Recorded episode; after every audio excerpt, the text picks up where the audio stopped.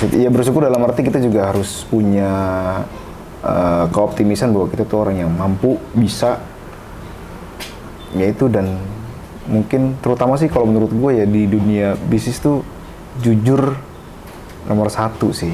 Tapi kalau sekarang pun uh, sebenarnya pandemi belum berakhir, gue tetap akan terus berkarya sih. Kenapa gue bilang long term? Karena bisnis ini bukan bisnis short term. kita belajar hal yang baru sih pada saat waktu kita jalanin sisi hidup kopi ini gitu. Rumah merupakan tempat peristirahatan Anda yang dituntut untuk memberikan kenyamanan. Kenyamanan ini juga berasal dari desain yang inovatif, kreatif, dan juga berkelas. Adapun demikian, untuk memberikan desain berkelas seperti ini, itu memerlukan kecermatan tinggi dalam memilih sebuah kontraktor. Biar apa? Biar hal-hal atau risiko-risiko yang tidak kita inginkan itu tidak terjadi di kemudian hari. Gua Ingga Putra di Pikes kita hari ini gue bakalan ngobrolin seputar bisnis kontraktor demi mewujudkan rumah impian Anda. Di sebelah gue udah ada Nandar Hidayat. Halo brother. Halo, Mas. Alhamdulillah. Apa kabar? Alhamdulillah gue baik. Sehat ya mas? Alhamdulillah. Ya. Alhamdulillah mulu nih gue nih. Udah lama gak ketemu ya? Udah lama kita nggak ketemu ya. Oke. Iya, iya. Gue sedikit short story aja ya. Cerita gue ketemu sama Nandar Hidayat ini. Nandar Hidayat ini adalah teman motor kita. ya. Iya. Teman mot kita kita ini adalah teman motor di mana dari hobi tiba-tiba bisa dicuan. Jadi melalui hobi motor tiba-tiba Nandar wah gitu. Bener nggak? Ya bisa dibilang. Bisa dibilang begitulah ya. Ndar, lu cerita awal ketika lu mulai terjun di bisnis ini tuh gimana sih? Awalnya ya? Awal deh, awal. Oke. Awalnya kan memang bidang bidang gua kuliah pun juga kan di bidang arsitektur. Arsitektur. Teknik sipil ya. Ya gua kuliah arsitektur, terus gua pindah ke jurusan teknik sipil gitu. Kebetulan juga orang tua gua tuh kontraktor. Kontraktor. itu. Nah dulu sih ya singkat cerita ya dulu tuh gua ikut kerja juga sama bokap gua, jadi bawahannya dia karyawan lah. Itu terus gua ngeliat kayak ada Potensi nih. ada peluang kayaknya gitu ya. Ngeliat kayak struktur baja tuh menarik buat gua Struktur ya. baja. Awalnya dari situ. Awalnya baja. Iya, awalnya baja dan sebenarnya sekarang tuh general jadi general kontraktor. Jadi general kontraktor. Awalnya baja kayak gue liat baja kayak besi tuh nggak ada habisnya ya. Ketika waktu bahan-bahan sisa itu bisa dikiloin lagi loh. Baju bahan-bahan sisa besi tuh nggak nggak ada habisnya karena dia akan terus di recycle terus gitu. Mulai dari situ coba deh untuk buka Berani. berani dan saat itu belum belum resign dari bokap gue belum resign gitu jadi gue coba ngejalanin itu tapi gue juga jadi karyawan bokap gue Oke. singkat cerita gue keluarlah dari perusahaan bokap gue Heeh, atas akhirnya? persetujuan bersama antara bokap dan gue gitu ya gue sih terima kasih bokap gue juga membimbing gue dengan baik Ya. dan kru-kru atau tim-tim yang ada di sana juga membina gue dengan baik ya. Ya ada om gue juga di sana, bokap gue yaitu faktor kenapa bisa sekarang gue bisa ngejalanin bisnis ini gitu. Iya. Itulah awal mulanya gitu. Awal mulanya berarti privilege dari bokap Yes. awalnya, sedikit Setuju. privilege dari bokap. Ya. Terus lu eh eh Coba ada nih peluang nih ternyata Yes, ya di bagian ini betul. kayaknya masih bisa deh gitu. Ya. Dan akhirnya lu memberanikan diri untuk terjun pertama-tama di baja. Yes, betul. Luar biasa, Nandar. Tuh. Lo kenapa sih lo kayak gak semangat banget hari ini? Semangat? Karena mungkin bisa buka puasa mas. Aduh. Tapi dari semua bisnis yang ada gitu ya, dari semua bisnis yang ada, kenapa lo kepikirannya malah bisnis ini? Baja awalnya. Karena begini, gua itu berangkatnya dari kontraktor. Lo berangkat dari kontrak. kontraktor, keluarga kontraktor ya. Jadi artinya ya yang gue lihat saat itu peluangnya adalah di kontraktor. Kontraktor kan banyak, ada jalan kontraktor, ada kontraktor khusus baja, ada kontraktor khusus kaca. Gue melihat peluang di baja gitu, kayaknya menarik nih. Gitu. Akhirnya ya mencoba untuk mempelajari dan ada beberapa proyek kecil-kecil masuk. Ya akhirnya sampai sekarang dan orang itu mengenal gue kan, ya gue nggak tahu ya. Menurut gue nih, orang itu mengenal gue adalah kontraktor gitu. Kontraktor. Mm-mm, kontraktor gitu ya. Jadi kalau gue cuma main baja doang, kayaknya sayang. Orang taunya kan gue ngebangun rumah, nge-build rumah, nge-build kantor gitu. Jadi ke sini ke sini akhirnya gue jadi general kontraktor gitu mas Ke sini sini. ke sini sininya jadi general kontraktor dan berjalan sampai sekarang Jadi dari proses lu awalnya baja sampai ke lu general kontraktor tuh berapa lama tuh? hmm, dua tahun ya Dua tahun Kurang ya? lebih ya dua tahunan sih Jadi kayaknya oh awalnya baja nih gitu kan terus lama. Ya orang kenal gue ya gue kontraktor gitu Ya, kan. Terus akhirnya lu ya udahlah gue sekalian aja. iya jadi general semuanya Berarti lu pirama bokap lu dong sekarang. Jadi Enggak. kompetitor nggak tuh? oh kalau dibilang kompetitor sih Iya ya menurutnya iya sih Iya sih lo kompetitor. secara nggak langsung Secara nggak langsung. cuma kan bapak saya kelasnya udah beda lah Oh. kalau saya kan yang menengah menengah kecil menengah ke atas ya Masih ada ambil ya, ceruk itu pasarnya. ya. betul itu Tapi bokap lu ketika segmennya sama atau diambil, bukan diambil kali ya, ya diambil sih itu kan emang aku ngajar nih. Iya, iya. Nah, cuman ketika bisnis industri jadi sama, bokap lu komentarnya gimana? ya dia sih mendukung aja mendukung sih mendukung Lu jangan klien gue, lu hajar lu ya, katanya awas lu ya. Enggak sih, gitu. gue juga punya kode etik sih sebagai ibaratnya dulu gue sebagai karyawan profesional dan gue juga mandang itu bokap gue gitu. Hmm. Jadi dan sekarang pun pure kliennya beda-beda. Dia punya klien sendiri, gue punya klien sendiri. Oh jadi udah bener-bener resmi pisah tuh ya? Pisah Oke. gitu. Tapi awal off. tapi awal-awal ya tetap dibimbing sama dia. Oh. Tapi sekarang ya udah dan benar-benar udah pure pisah gitu. Udah pure pisah. Pisah. Jadi benar-benar udah lu sendiri, bokap lu sendiri. Sendiri. Tapi kalau lu mau bertanya apa pun itu bisa ke bokap lu ya. Pak ini kalau kayak gini gimana ya Pak gitu? Bisa Iya. nggak maksud gue bisa nggak sih kayak Bisa sih, bisa sih. Tapi gue jarang lakukan itu sih. Karena lu gue jarang. tau lah kesibukan bokap gue juga gitu. I see, I see, I see. Gitu. Nah itu berawal kayak gue kan tadi sempat awal lo dari hobi bisa jadi cuan gitu ya. Itu ada nggak tuh ngaruh tuh? Nah, jadi related? begini, kan pertanyaannya adalah, misalkan ya, sorry ya, eh, orang akan tanya, lu dapat kliennya dari mana sih? Kok bisa dapat Nah, klien gitu kan? iya, iya, iya, iya. Nah, gue tuh berawal dari main motor. Berawal dari main motor ini dengerin nih Pinvester nih ya. Berawal dari hobi. dari hobi gitu. Ya, Moge. Moge. Z900. gue memanfaatkan privilege. gue memanfaatkan awal itu dari privilege orang tua itu pasti. Oke. Gitu. Kadang-kadang ada orang juga yang mungkin nggak ngerasa sebenarnya gue tuh nggak ada apa-apa nih. Gue tuh nggak punya privilege. Padahal lu kuliah aja sebenarnya udah privilege itu. Yes benar. Iya kan? Setuju nggak sih mas? Setuju gue. Oke. Nah, akhirnya gue coba untuk berani beli motor waktu itu. Awalnya beli motor. Beli motor. Beraniin beli motor gitu. Dan nggak ada ke- nggak ada kesengajaan kayak ah gue main motor ah biar gue dapet relasi nggak ada Enggak. itu pure hobi awalnya Pure hobi. relasi itu bonus menurut gua ya karena gua nggak ada niatan kayak ah gua main ini ya biar bisa dapat proyek ini ini ini enggak pure hobi itu jadi ya, bonusnya itu adalah dapat temen yang mungkin bisa dibilang memang membutuhkan jasa gua. Iya. awalnya dari situ. Jadi Ada motor lewat pak. jadi akhirnya ya sudah. Eh, mulai mencoba kayak pitching apa sih yang dibutuhkan gitu. Kayak mungkin dari gambarnya segala macem. Lalu ya udah berjalan proyeknya. Ya ada kesenangan dari Dari teman mengerti- gua Oh, yang oke. notabene ya dari klien gua yang notabene itu teman gua gitu Hmm. akhirnya kan rekomendasi rekomendasi Iya, yang namanya servis soalnya subjektif ya. Ya, apalagi ini berak- geraknya di bidang jasa. Parameter lu bisa sukses atau enggak kan ada repeat order. Betul. Ih, masuk Pak Eko. Ngerasa jadi kita juga seneng kan. Ih, gila ini orang pesen lagi ya. Iya. Kayak kita mungkin jual gorengan. Kok orang Balik lagi. seneng balik lagi. Berarti kan gorengan gua tuh enak gitu kan. Itu sih. Oh, oke. Itu menarik tuh ya. Tapi sekarang motor udah dijual. Oh, motor dijual. Udah nggak ada motor. Karena lu udah udah repeat order mulu nih. Jadi ya sudah lah. Tapi memang kita harus mengikhlaskan itu, Mas. Oh. Karena ya kan ada kebutuhan juga kan, Benar. permodalan kan. benar benar benar benar. Gitu ya, gua nggak bisa ikutin ego. Jadi ya sudah. Gitu.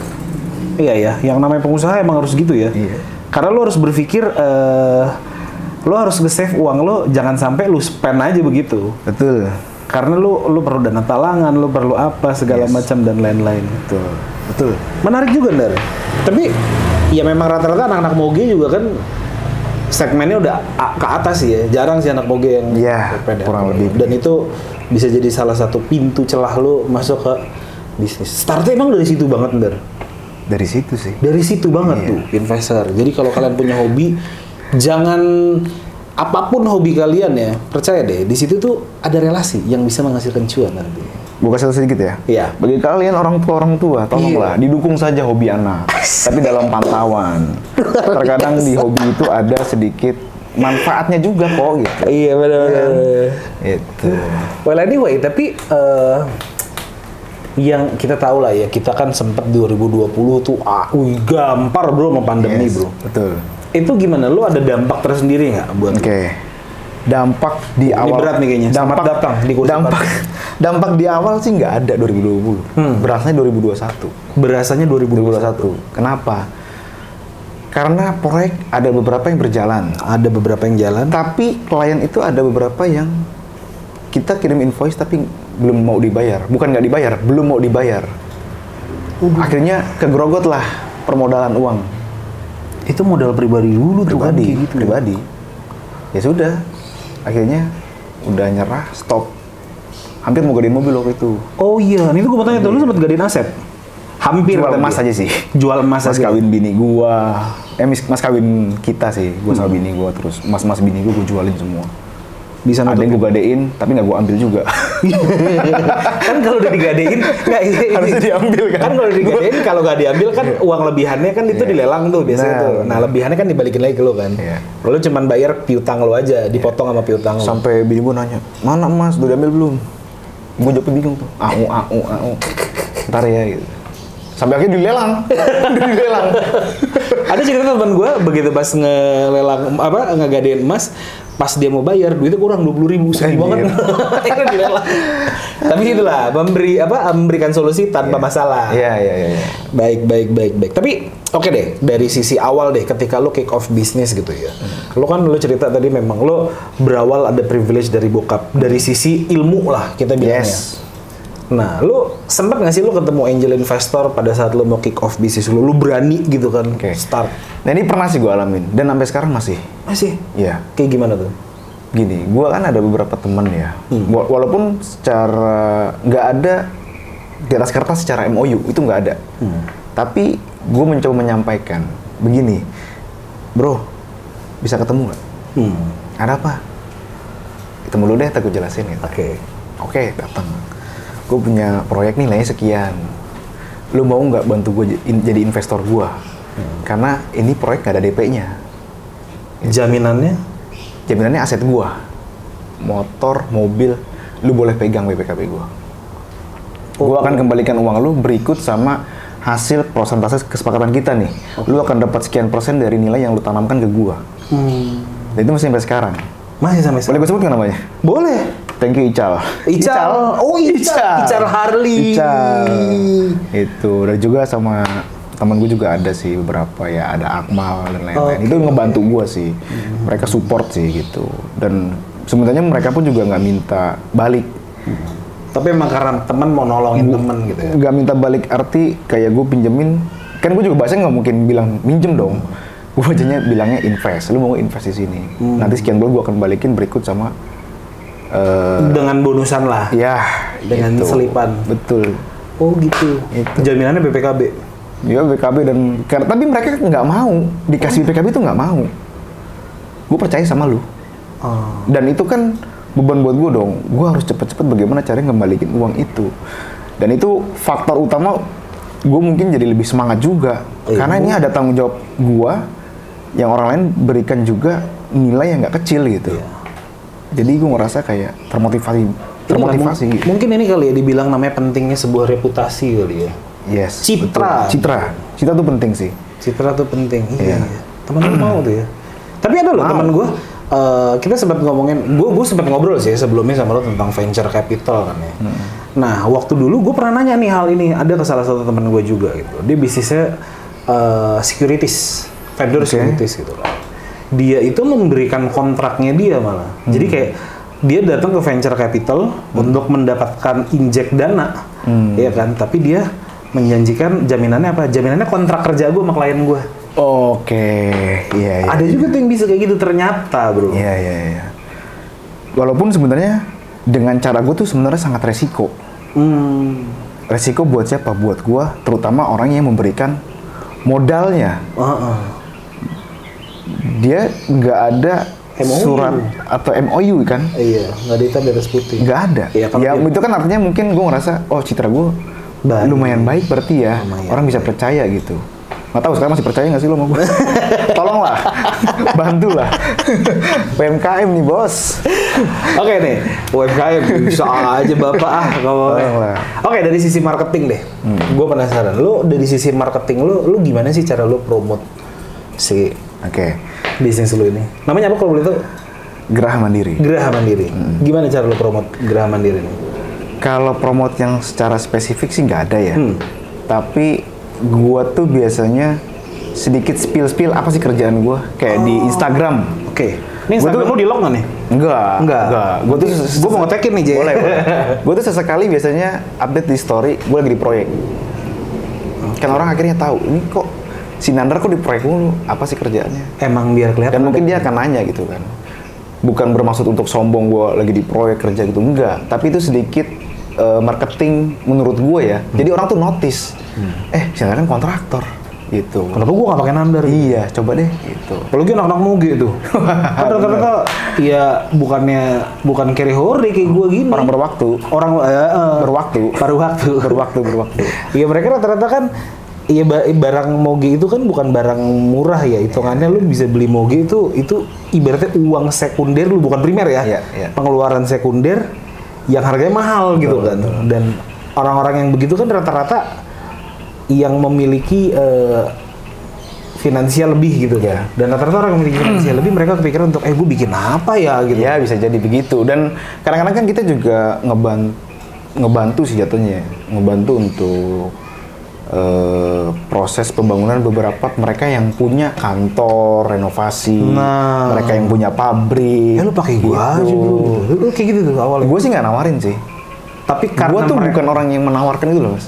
oh Orang tanya, justru "Gua malah apa?" pasif lu ya Gue pasif sebenarnya. Oke, tapi lu tiba-tiba Tapi gue ngecap, ngecap oh, jualan sambal, tapi nggak yang lu pakai gue aja gitu, enggak, nggak pernah. oh gitu. Iya. Gue tipikal gitu loh. Gue kalau teman gue punya bisnis apa gue bilang, "Eh lu coba lu pakai ini nih nandar nih." Itu itu cara pertama ya. Oke. Lalu yang kedua itu reputasi. Ketika orang yang sudah percaya sama gua, gua harus bertanggung jawab penuh atas apa yang mereka percayakan terhadap gua. Hmm. Jadi memberikan hasil yang kalau 100% sih nggak mungkin berhasil itu ya. Iya. 99, koma sekian lah. Pasti yang namanya dunia proyek yang mengerjakan manusia, Mas. Hmm. Hasil tangan, bukan hasil pabrikan yang yang bikin robot Ya, gitu. Jadi pasti sedikit-sedikit pasti ada gitu. pasti. Pasti nggak mungkin 100% mulus gitu. Nah, biasanya gue tuh eh, menjaga atau menservis klien-klien gue tuh Ya, berarti itu ya. jam berapapun dia telepon gue pasti angkat. Jam berapapun dia komplain gue harus, gue akan terus tanggapi gitu. Karena gue pun ngerasa ketika gue tidak ditanggapi dengan jasa yang gue pakai, gue kecewa. Udah bayar, Udah tiba-tiba bayar. responnya lama. Terus respon lama. Bangke juga nih, nggak kasarnya kan gitu. Pasti begitu sih dalam hati. iya, iya, pasti gitu ya. Jadi ya gue rela untuk waktu gue tuh tersita di ya di proyek entah di luar. Karena balik lagi kan ke reputasi. Iya. Yang namanya jasa kan sifatnya subjektif. Jadi ketika ya sama aja kayak kita milih bengkel ya. Betul. Lo milih bengkel walaupun bengkelnya bengkel kampung gitu di dalam gang gitu ya. Iya. Ketika lo mendapatkan servis yang baik lo akan balik ke sana ke investor. Setuju nggak? Setuju. Betul. Terus eh apa? Eh, reputasi pertama. Iya. Eh pertama tadi eh tadi apa sih pertama? Pokoknya kedua Dari sosial media lah. Ya sosial Spill-spill media. aja Spill gitu. spill. Terus kedua ya reputasi. Reputasi. Karena dari reputasi akhirnya orang merekomendasikan. Oh. Dari Contohnya begini, Mas Ingga, gue bangun rumahnya.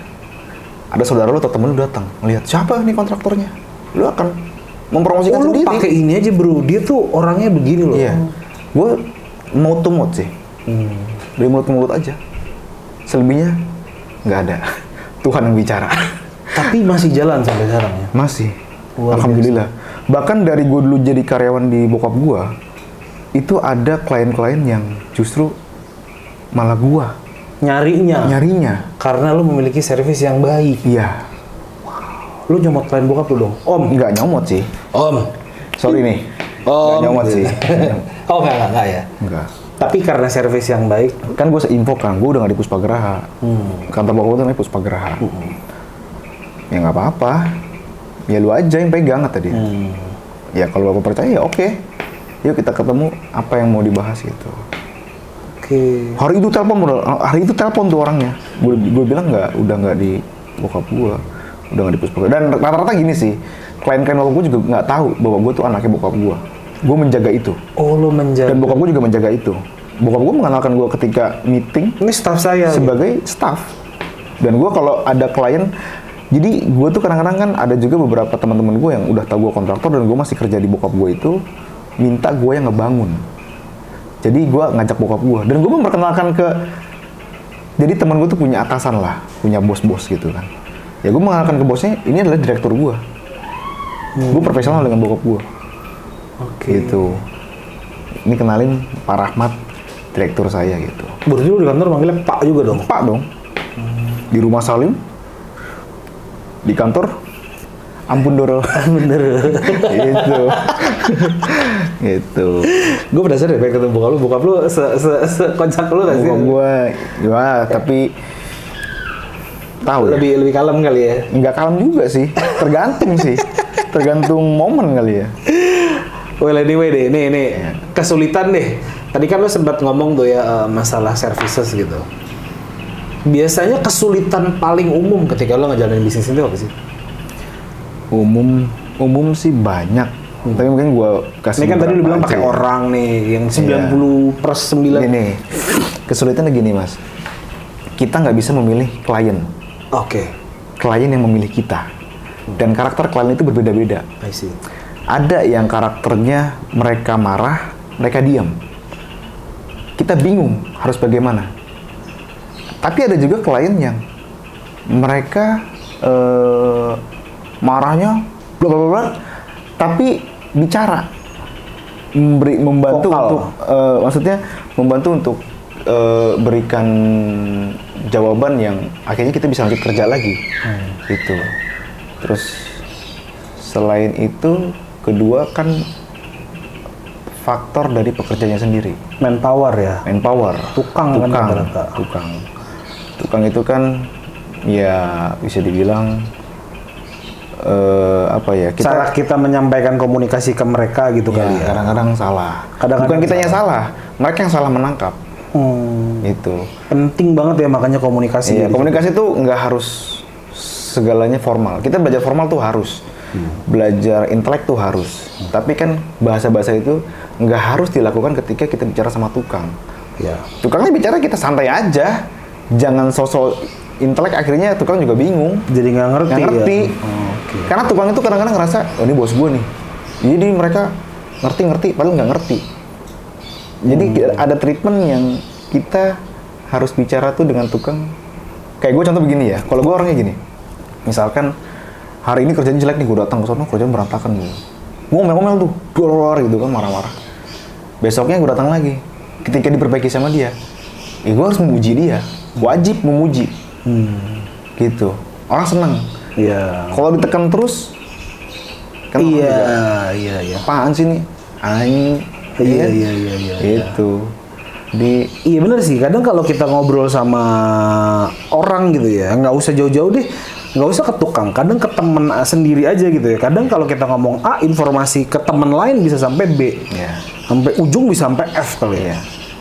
Betul. Itu loh pentingnya komunikasi ya. Dan ngejaga. Kenapa tadi gue bilang kayak harus bisa bicara yang nggak harus formal ke tukang dan ada bahasa-bahasa yang mungkin kita saatnya memuji harus memuji. Ketika kita dia salah ya kita harus bilang salah. Karena tukang itu pegawai lepas Harian. ya? harian. Mereka bisa aja cabut. Oke. Emosi. Gue kerja Ah, salah, mulu gitu. Udah lah gue ini aja lah gitu. Gue proyek lain aja gitu. Iya, bisa begitu. Dalam satu project itu biasanya berapa? Ada berapa tuh bro lo? Karyawan lepas satu project deh biasanya. Tergantung ya. Sehari. Anggaplah kayak Kayak lo ngebangun rumah nih contoh. satu proyek ya. Satu proyek. Itu nggak nggak konstan sih mas. Jadi misalnya kerjaan struktur, taruh aja dulu 10 orang. Itu nanti udah mulai masuk finishing, kan ada tim-tim lain tuh. Karena gue beda-beda. Tim sipil ya tim sipil, batu, tim yang kerjaan kasar gitu. Tapi mulai finishing ya khusus orang pelapon ya orang pelapon, orang listrik orang listrik. Itu bisa jadi 20 naik gitu. Nanti kalau udah mulai mau sedih udah mau masuk ke kerjaan tinggal tacap-tacap ya udah paling tinggal tiga orang, empat orang gitu. Jadi nggak nentu setiap hari satu proyek 10 10 terus enggak Oke. itu tergantung kebutuhan kan karena kan kalau banyak juga kelihatannya orang kerja tapi sebenarnya nggak efektif I see. itu Jadi yang dicari itu adalah efektifnya ya. iya dong Dan komo apa sih namanya ya? Impian dari si usernya itu bisa tersampaikan dengan Betul. baik dan dia bisa memiliki rumah impian gitu. Iya. Nah ini yang menarik adalah, oke gue gue bertanya gini deh, lu paling cepet ya bikin satu, lu pernah nggak sih bikin satu rumah gitu? Pernah lah pasti kan gitu kan.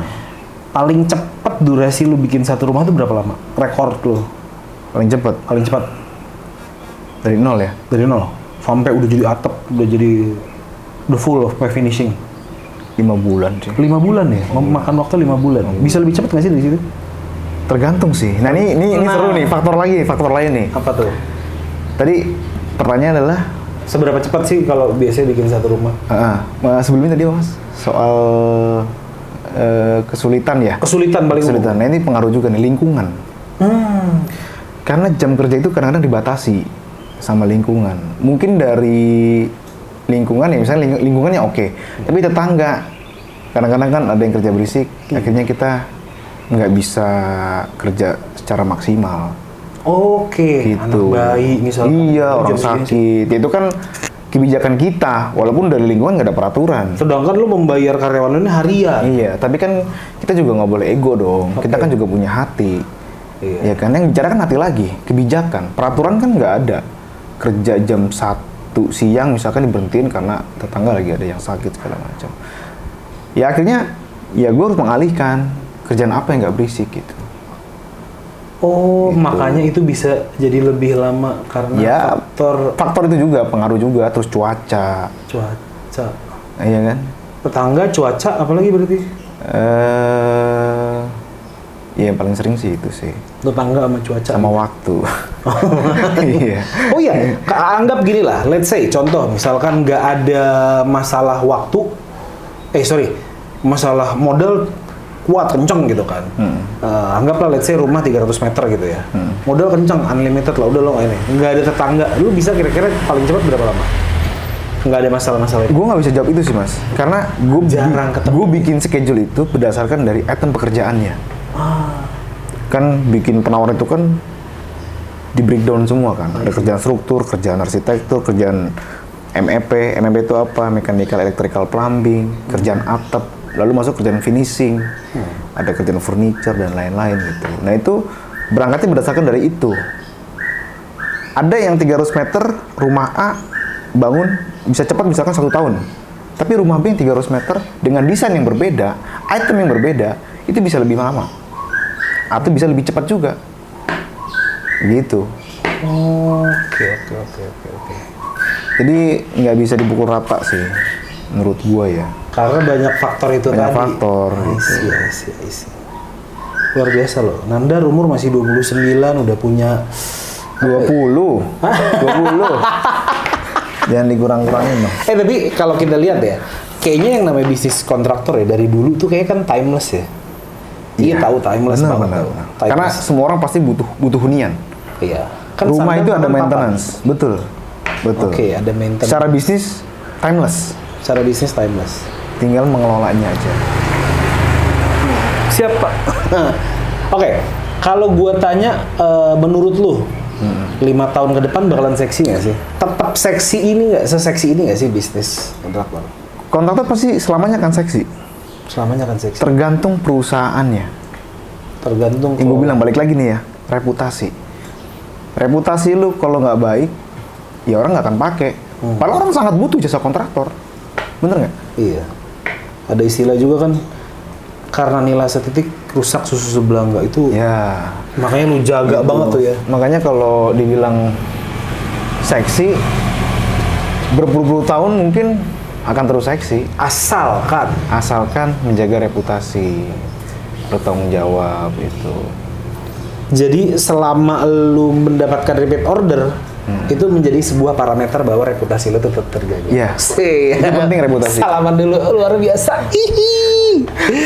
Tapi lu punya cerita lucu nggak selama lu ngejalanin kon- apa eh, ngejalanin bisnis ini gitu lo sama klien lu kayak sama siapa gitu lo ada cerita-cerita menarik atau lucu gitu nggak? Aduh, apa ya? Menarik tuh. Mungkin banyak ya, tapi lupa ya. apa ya menarik ya? Contohnya, contohnya gimana mas? Misalnya. Contoh misalkan lo dapat klien, wah gila nih kliennya judes banget lah atau apa gitu. Iya, iya, iya. Oh mungkin gini, pernah dapat klien kayak orangnya eh standar. Maksudnya dalam arti standar gini. Ya gue nggak sebut nama ya. Orangnya tuh low profile. Itu ya gue tidak memandang sih, tapi namanya manusia kadang-kadang kan udah, nih orang bener nggak sih bangun Iya. ini gitu kan? Anjing cu, kaya banget cu. Jadi itulah nggak boleh menilai orang dari Iya tuh ya. eh, Tidak boleh lah. menilai orang dari penampilan. Iya. Ternyata ada tuh ya kayak Iya, gitu ya. ada. Temen gua ada loh, dia pernah sales mobil eh, datang ke sana mukanya nggak nggak proper lah dan Iya. lain-lain. Tiba-tiba ya beli satu unit dia kebetulan dia kerja di salah satu bank mobil inilah mobil mobil Eropa lah gitu Iya, kan. iya. Beli satu unit yang paling versi paling ininya flagshipnya, wih gila juga ya gitu. Jack, orang tuh nggak kelihatan. Dan kadang ada juga yang kelihatan sangar gagah kayak tapi cuma ngomong doang Iya, gitu. tong kosong nyaring bunyinya. Iya, iya. Tapi nggak semua ya. Nggak semua. Itu kan beberapa. Ini kan hanya cerita lucu ya. Iya, cerita Ya, Itu lucu. menurut gue sih lucu gitu. Gitu. Tapi lo ada kebanggaan sendiri nggak sih Ndar ketika lo memberikan atau lo mem- memberi membangun rumah impian seseorang gitu? Bangga sih. Bangga ya? Bangga. Apalagi kalau orang itu puas ya. Karena gue bisa eh, ilmu gue tuh bermanfaat mas Buat orang lain. buat orang lain. Itu pahalanya nyampe sampai lo ini Dapat ada. pahala, dapat uang kan. Iya. Apalagi lo di di marketingin ya kan kan. Marketingin gitu. Oh, bisa nih bagus nih gitu kan. Iya. Dan apalagi rumahnya bisa bermanfaat buat orang lain ya kan. Betul. Luar biasa. Itu. Well Nandar, thank you banget ya. Gue udah boleh mampir Thank you banget, dan ngobrol-ngobrol santai. Tadi sebelum gue tutup, lo mau ke mana sih? Ntar dulu. Ini mau biasa lah. Analan, analan. Any last word dari lo buat investor biar makin semangat di luar sana? eh semangat ya. Mungkin jalanin aja yang bersyukur sih. Maksudnya ya bersyukur dalam arti kita juga harus punya eh, keoptimisan bahwa kita tuh orang yang mampu bisa yaitu dan mungkin terutama sih kalau menurut gue ya di dunia bisnis tuh jujur nomor satu sih gitu. Ya nggak gimana ya? Ya intinya kayak jadi orang yang baik tuh pasti lu akan dicari lah sama orang. Intinya gitulah mau bisnis lu apa pun gitu. Bisnis lo. atau lu sebagai karyawan ya lu berikan yang terbaik untuk perusahaan lu. Gitu. Kalau gue prinsipnya ketika perusahaan gue memberikan 5 gue akan memberikan 7 kalau gue ya jujur nih itu jadi eh, nantinya akan ah males gue udah memberikan 7 cuma dapat 5 gitu kan. Ya itu di luar di luar di luar itu lu sebenarnya punya ada pelajaran yang bisa diambil gitu kemampuan. Dalam arti gini kayak gue sekarang jadi punya karyawan gitu ya. Ya gue akan melihat sih. Gue sangat memberikan banget reward gitu jadi orang tuh akan mendoakan bosnya. Iya. dia ngerasa dihargai gitu. Dan juga lu harus cerdik ya dalam berbisnis. cerdik. ya. itu cerdik sih. Karena gue sebenarnya bukan orang pinter. Tapi mungkin cerdik gue gak tau ya menurut gue cerdik itu orang yang bisa lihat peluang sih gitu. Nggak tahu menurut masingnya gimana. Saya ikut apa menurut gue gitu. Sih. Itu jadi karena karena orang pinter tuh bisa kalah juga sama orang cerdik. Jadi lebih penting pinter atau cerdik? Kalau gue sih cerdik sih Cerdik. ya? cerdik Luar biasa. Nandar Hidayat. Oke deh kalau gitu gua kita undur diri dulu. Ya. Thank you banget Nandar you. udah menyediakan Ya. kita tempat untuk ngobrol-ngobrol santai dan bisa memberikan eh, inspirasi buat investor di luar sana. Gue pamit aja ya langsung Thank ya. you, Mas. Thank you. Gue Ingga Putra. saya Nandar Hidayat Sampai jumpa di Pikes minggu depan. thank you